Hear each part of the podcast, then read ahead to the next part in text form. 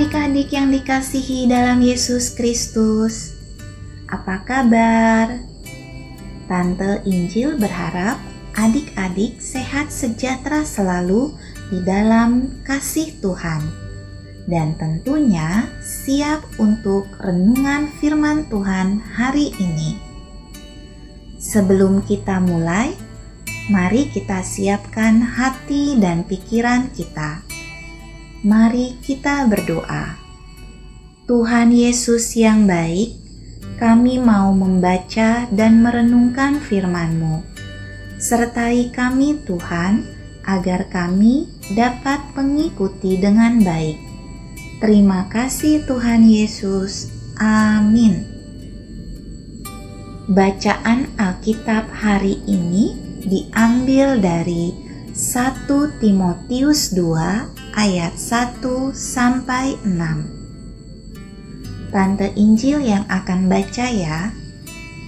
1 Timotius 2 ayat 1 sampai 6. Pertama-tama aku menasihatkan, naikkanlah permohonan, doa syafaat dan ucapan syukur untuk semua orang, untuk raja-raja, dan untuk semua pembesar, agar kita dapat hidup tenang dan tentram dalam segala kesalehan dan kehormatan.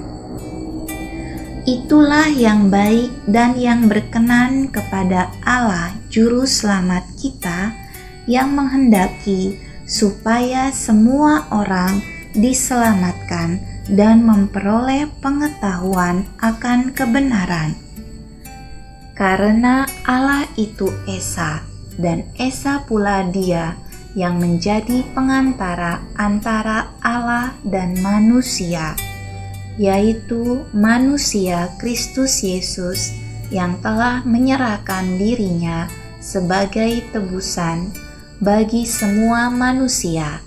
Itu kesaksian pada waktu yang ditentukan.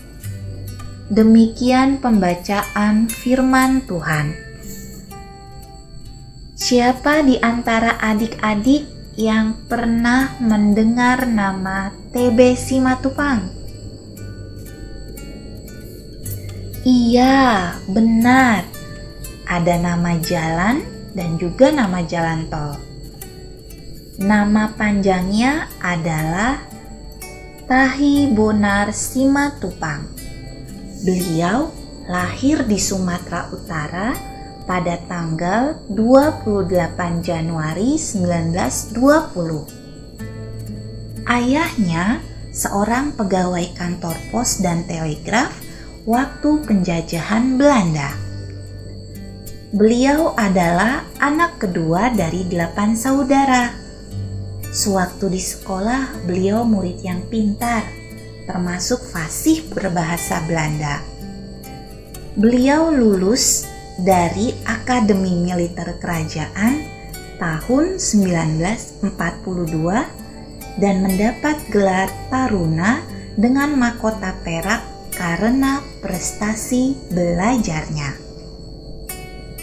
Setelah proklamasi kemerdekaan RI 17 Agustus 45, TB Simatupang bergabung dengan Tentara Keamanan Rakyat dan turut berperang gerilya bersama Jenderal Sudirman melawan pasukan Belanda yang ingin merebut kembali Indonesia.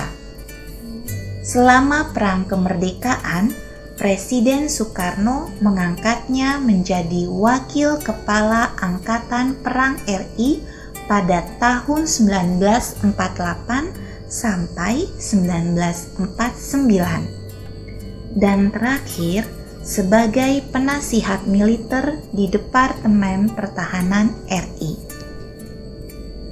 Akhirnya, tahun 1959 dalam usia yang ke-39 tahun, beliau pensiun dengan pangkat terakhir Letnan Jenderal beliau tidak berhenti menikmati masa pensiunnya dengan berleha-leha. Hidupnya diabdikan untuk Tuhan. beliau aktif pada pelayanan gereja dengan menyumbangkan pemikiran-pemikirannya tentang peranan gereja dalam masyarakat. Beliau pernah menjabat sebagai ketua PGI, ketua Dewan Gereja-Gereja Asia, bahkan ketua Dewan Gereja-Gereja sedunia. Beliau juga pernah menjabat sebagai ketua Yayasan Universitas Kristen Indonesia dan Institut Pendidikan dan Pembinaan Manajemen. Beliau pelopor lembaga pendidikan ini ketika belum banyak orang yang memikirkannya. Bapak TB Simatupang dianugerahi gelar Dr. Honoris Causa dari Universitas Tulsa, Oklahoma, Amerika Serikat. Bapak TB Simatupang meninggal dunia pada 1 Januari 1990 dan dimakamkan di Taman Makam Pahlawan Kalibata, Jakarta. Beliau adalah pahlawan Indonesia yang dipakai Tuhan membela negaranya dan memberikan pemikiran-pemikiran untuk kemajuan Kristen dan pendidikan. Nah, adik-adik, hebat ya Bapak TB Simatupang. Kita harus bersyukur karena Tuhan telah memberikan pahlawan yang hebat untuk Indonesia.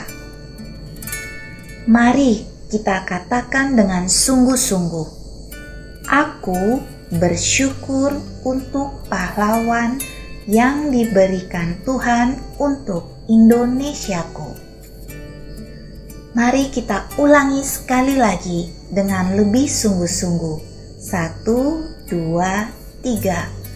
Aku bersyukur untuk pahlawan yang diberikan Tuhan untuk Indonesiaku. Mari kita tutup renungan hari ini dengan berdoa.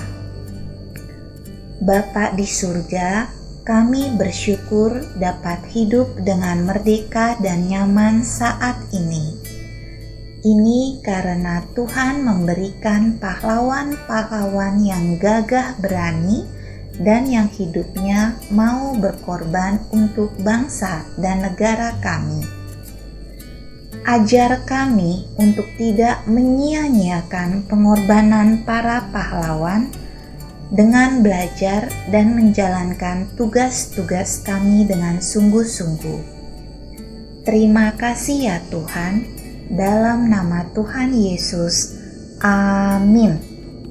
Sampai jumpa adik-adik tetap jaga kesehatan dan selalu berdoa ya.